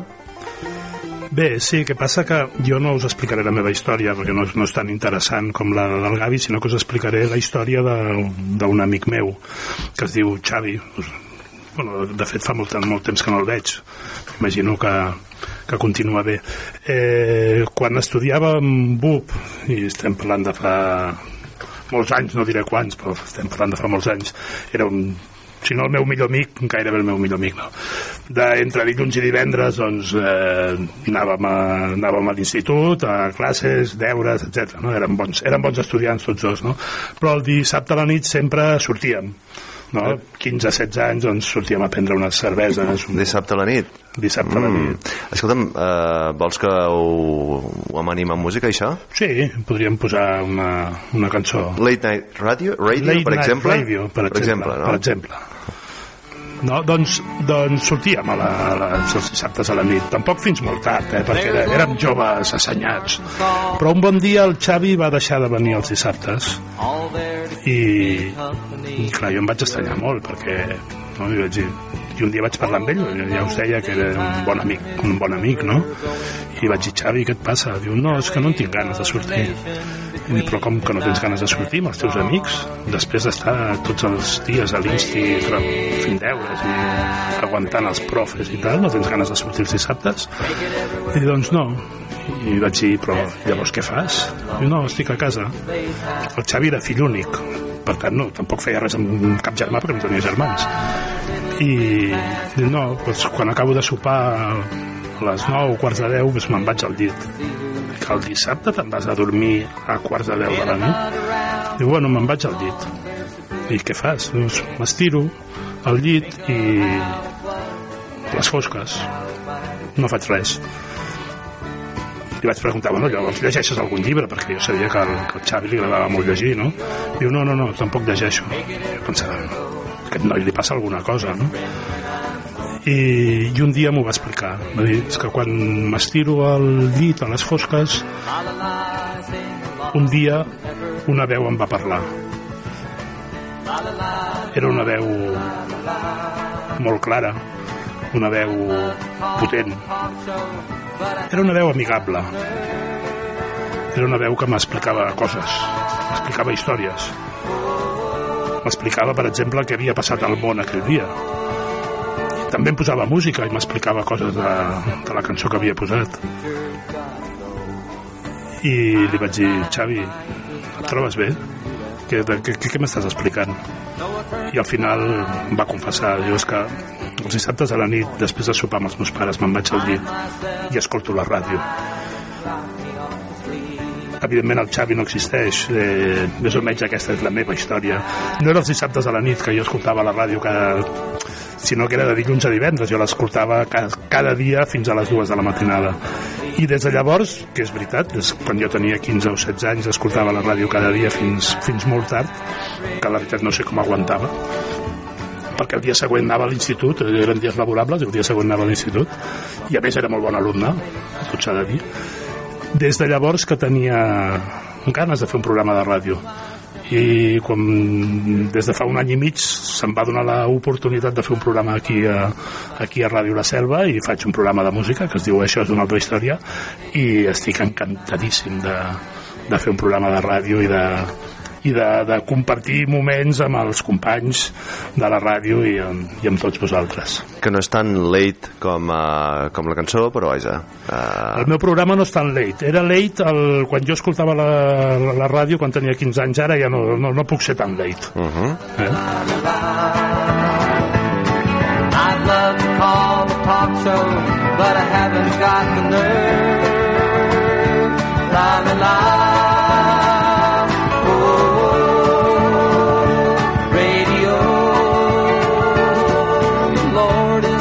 My shepherd, but them preachers gotta go.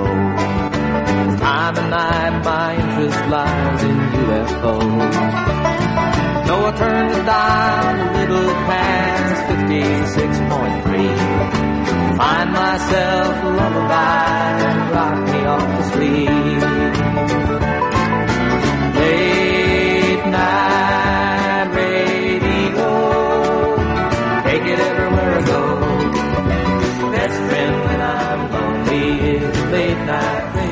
Ja ho veus, Toni, històries de Late Night Radio, però mm, el teu programa, de fet, és Morning Radio i, i ara toca la meva història, no?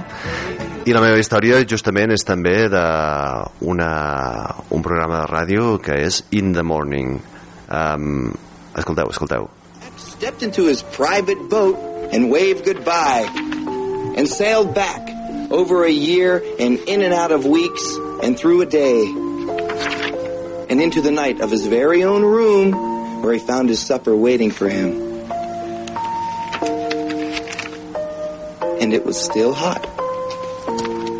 Thank you, Mr. Sendak. Thank you for reminding us that we should never ever lose touch with that wild and untamable spirit within us all. You know, mayhem's gotten a bad rap, and chaos has taken it on the chin in these pathologically normal and rational times. Doncs sí, la meva font, la meva petita historieta de la ràdio. Jo veia mm, fa molts anys una sèrie que es deia, que van traduir com Doctor en Alaska, eh, i el títol original és Northern Exposure, i mm, en la qual hi havia un personatge que feia ràdio. Era un poble, la, la, la sèrie, la història passava en un poble perdut a Alaska, així una mica wild, no? el Wild West, no? I, mm, i res, que hi havia aquest personatge que era un expresidiari, un paio molt especial, no? que feia, el van contractar per fer el programa de ràdio a la ràdio a l'emissora local i que doncs bé, era una emissora que era al carrer del poble, el carrer principal era un poble molt petit, eh, amb, amb una paret envidrada que es veia des del, des del carrer que estaven fent la ràdio, com de fet mm, hi ha altres de fet és una cosa bastant general no? de, de moltes emissores de ràdio i res que el personatge aquest, el Chris feia un programa que es deia Chris in the Morning i que feia coses eh, era, clar, la sèrie era una cosa feta per, escrita per guionistes no? semblava una cosa molt espontània però era espontània de, de, de tan ben escrita que estava no? I, i entre altres coses llegia textos ara per exemple en aquest fragment que m'ha escoltat llegia um, un conte, un àlbum il·lustrat per, uh, per un autor que es diu Maurice, Maurice Sendak i que es diu ara ho he vist aquí en les imatges Where the Wild Things Are. És un àlbum molt molt molt popular. Jo l'he vist traduït en, de fet fins i tot diria que el tinc per casa traduït en versió catalana i res, entre altres coses llegia textos lleg... recordo també un dia que llegia um, un, un fragment de, de fulles d'herba de Walt, Walt Whitman uh, un, un poeta molt, molt important i molt popular als Estats Units no? i res, i això va ser la meva font d'inspiració per fer ràdio i la música per il·lustrar-ho és uh, aquesta. Mm -hmm.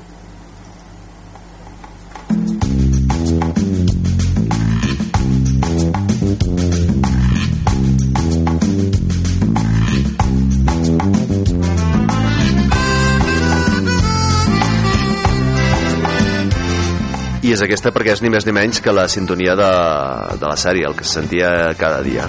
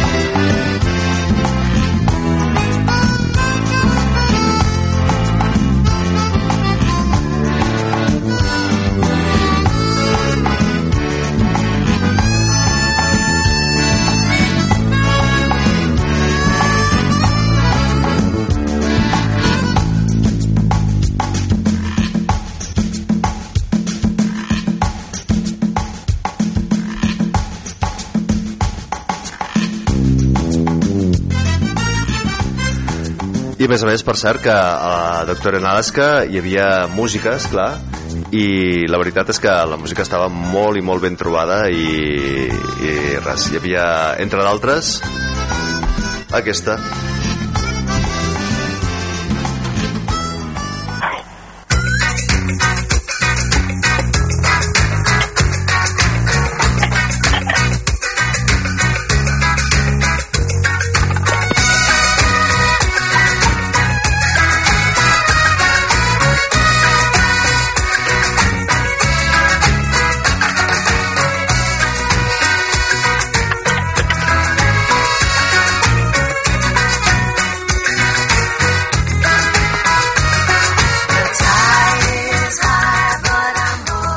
Sí, hi havia un dia que posaven, i a més a més estava molt ben posada aquesta cançó de Blondie, uh, The Tide is High, i, mm, i res, i com que la Montse va punxar el Blondie, doncs és una cançó que la introdueix. Bona nit, Montse. Bona nit, Francesc. Escolta'm, i res, m'ha explicat aquí les nostres històries de la ràdio i quina és la teva? La meva? Sí. La meva ve de la música, ja saps que, que jo punxo soy de DJ, també, a banda de la meva feina, i, i bé, trobava a faltar aquesta part, no? De, de, sempre he volgut tenir contacte amb la música bastant directament. Uh -huh. I quan me poses una taula de so davant, m'animo. I el que sí que em feia una mica més de respecte és posar la veu Ja. Perquè encara que no sapiguis on, a on va dirigida del tot, és a dir, qui, qui serà el receptor o la receptora, eh, és, com un, és com si la llencessis al buit. Uh -huh. Però amb els anys i fent programes junts i tot això m'ha anat marxant una mica vergonya. Una mica que potser ja no en tinc. Ah, ets una poca vergonya. Bueno, de vegades sí. Mm, bueno, bueno. doncs molt bé, uh, doncs ja saps que avui és el Dia Mundial de la Ràdio, que han fet aquest uh, especial per felicitar el Toni i que, que res, que per felicitem el Toni, felicitats Toni, i a més a més ens felicitem a nosaltres mateixos, no? Sí, això, vo- volia felicitar el Toni perquè és un, un home que té un ventall de possibilitats dins de la ràdio que ha enriquit, ha sumat molt i sempre està disposat a col·laborar amb nosaltres i, i ens ensenya sense, sense fer res, o sigui, sense, sense comer. Molt bé. Sents? I a vosaltres també. Per... L'últim dia que vam parlar, Montse, parlàvem de cuina. Hola, Montse, soc el Gavi. Hola, Gavi. I jo avui he fet un pastís, un pasdiu que es diu, un, es diu Felicitats. Llavors, tots nosaltres hem d'agafar una porció de les felicitats oh. pel dia 13 de, del 24, que és el Dia Mundial de la Ràdio. Vale, venga, el dia 13 de febrer. Un És, trosset. el, és, sí, és, és, una, és una porció ben merescuda perquè ens vam aventurar amb aquesta Sí. amb, amb aquesta Amb aquest món. sí, amb aquest món no, radiofònic i mira, on estem no? i no se'ns han passat les ganes, al revés sempre volem més sempre volem fer coses tot i que fem programes sols o amb, amb, peti, amb reduït després mm, quan els fem junts és, és un plaer Clar, un plaer. aquí hem de no barrejar, per res aquí hem de barrejar el voluntariat que fem amb la ràdio amb el voluntariat que fem entre nosaltres, que és molt important també. També, també. Però és molt gratificant. Gratificant en, quan ens... Ja, ja després mm, la gent si ens escolta més o menys eh, eh, per mi és important però al, al final el que més importa és que és el que compartim nosaltres, no? Parlar, mm, si t'escolten, doncs, bueno, que t'escoltin o no és igual, però com a mínim poder parlar, no? Jo, jo Sí. estic Sí, sí, totalment, poder-te- estic totalment d'acord amb tu. Montse. Molt bé. Joan. Parlar, parlar està molt bé, i si Sí, t'escolten si ja t'escolten, és ja, l'hòstia. Ja, home. Però com, tot, com tot, per gustos ja... Però se sempre hi ha algú que, que escolta, sempre. Sí, sí, sí. Ara mateix estava parlant amb, amb una dona que, que ens diu, que m'acaba de dir que ens ha estat escoltant. Ah, mira que bé. Veus? Sí, és algú proper a, amb algú de vosaltres. Ah, molt bé, molt bé. Molt bé. Guai. Doncs escolta'm, eh, doncs això, eh, feliç dia um, que acabis de passar un bon dia de la ràdio, eh, que acabem de passar tots un bon dia de la ràdio. Si vols no marxis, que No, ara no, ja no eh, tanquem el programa, ens acomiadem. I ha saltat sense que me n'adonés un tema eh, d'una cantant italiana que es diu Nina Blom, que de fet m'agrada molt. Almeno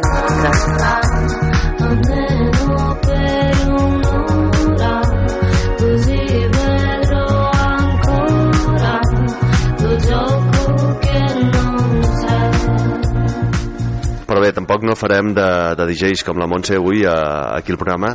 Um, res, només després d'haver fet l'especial aquest, uh, me n'adono que estem parlant de coses sempre de fa molts anys, no? Sí. Uh, potser això de la ràdio ja és una cosa una mica passada de moda, no? Bé, nosaltres també, no? Però, però la ràdio... Estem tots passats de moda o què? Sí, i jo crec que, que hi va haver un temps que, que la ràdio es donava per morta, diguem, no? Amb la, ja no dic amb l'aparició de la tele, perquè la tele també fa molts anys que, que té. De fet, jo crec que està més morta la tele ara que la, Que, sí, que la fet, sí. ràdio, perquè la, la televisió amb totes les plataformes que hi ha, jo no, no conec ningú que miri la televisió normal, Saps no? com, se, com arriben els missatges d'un costat a l'altre? Gent que pujava a cavall i anaven amb papers a portar missatges a l'altre. i això ho ha transmès la ràdio sí. i la ràdio, allò sí que va morir però la ràdio no, ni morirà no, no, no Bé, en tot cas, jo la... Això, amb la idea aquesta que sí és una cosa passada de moda, eh, però hi ha coses passades de moda que m'encanten. Exacte. I hi ha una cançó que es diu I'm Old Fashioned, eh, un tema un tema d'aquests que s'ha convertit també en un estàndard de jazz i que, que diu cap al final, bé, van anant dient moltes coses, no? però cap al final diu I'm old fashioned, sí, ja sé que estic passat de moda, però tant me fot. Si estic passat de moda amb tu, tot m'és igual. Doncs eh, l'escoltarem en una versió de John Coltrane i res, Toni, fins aviat, que acabi de provar el dia de la ràdio i... Felicitats. I felicitats, Moltes, això. moltes felicitats a tothom. I adeu, passats de moda. Adeu. Adeu. Un petó.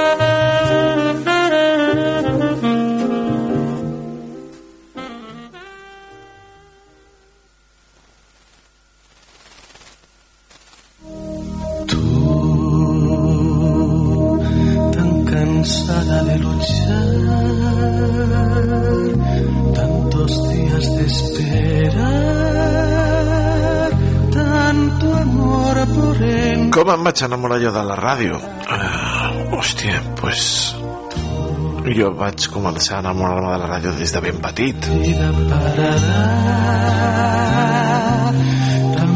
Jo em vaig enamorar amb Los 40 Principales, amb el Joaquín Luqui.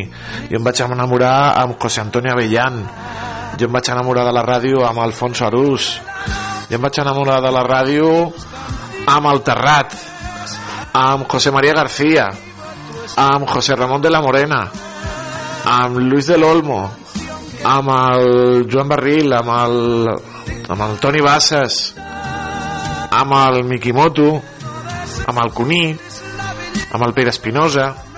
Me vaig enamorar de la ràdio amb la meva companya, amb la Carme Serra, amb la Nuri Mariner, amb la Marta Trill, amb la Sílvia Segalà, amb el David Fernández, amb el Marc Busquets, amb el meu amic Jordi Galo, amb el meu estimat Joan Castell, amb el Sarmiento, me vaig enamorar també amb l'Esteve Giral, me vaig enamorar del carrer Major, m'he enamorat dels meus companys de carrer Major, m'he enamorat del, del Joan, del Gavi, del Francesc, de la Montse, del Josep, de la Sílvia,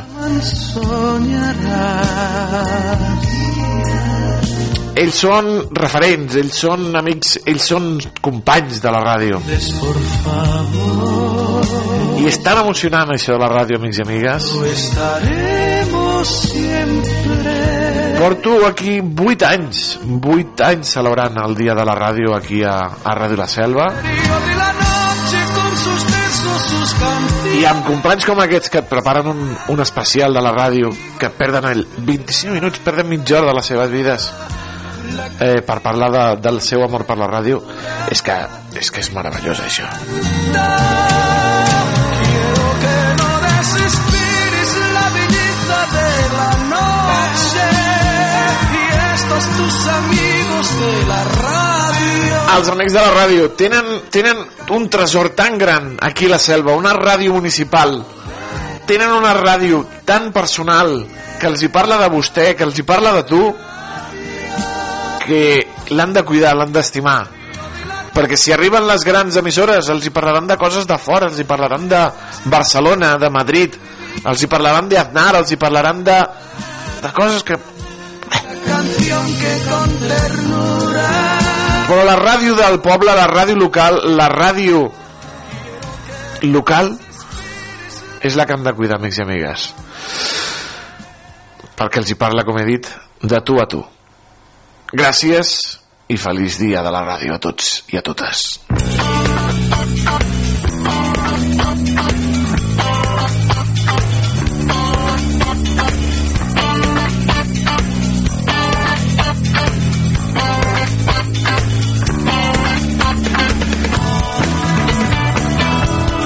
Doncs hem posat al final el programa 1421, amics i amigues, el d'avui 13 de febrer, el Dia Mundial de la Ràdio. Ho hem començat amb el repàs a la premsa, amb el titular maldit, el temps, l'agenda... Espurnes de llengua amb la Janina Casas des del Centre de Normalització Lingüística de l'àrea de Reus. I aquesta joia, aquest regal tan especial que ens han fet els companys de Ràdio La Selva, els companys col·laboradors, com han estat el Joan, el Gavi, el Francesc, la Montse, per aquest Dia Mundial de la Ràdio. Eh, us estimo.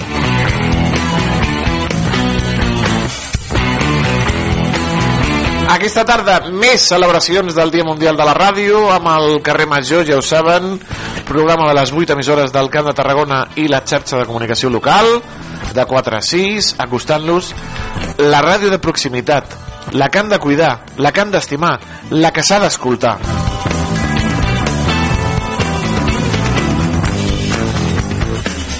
I demà torna La Cafetera, programa de proximitat, programa local, programa fet a foc lent, com ens agrada també el cafè, poquet a poquet. Tornem demà, que disfrutin d'avui dimarts 13, Dia Mundial de la Ràdio. Adeu! Adeu!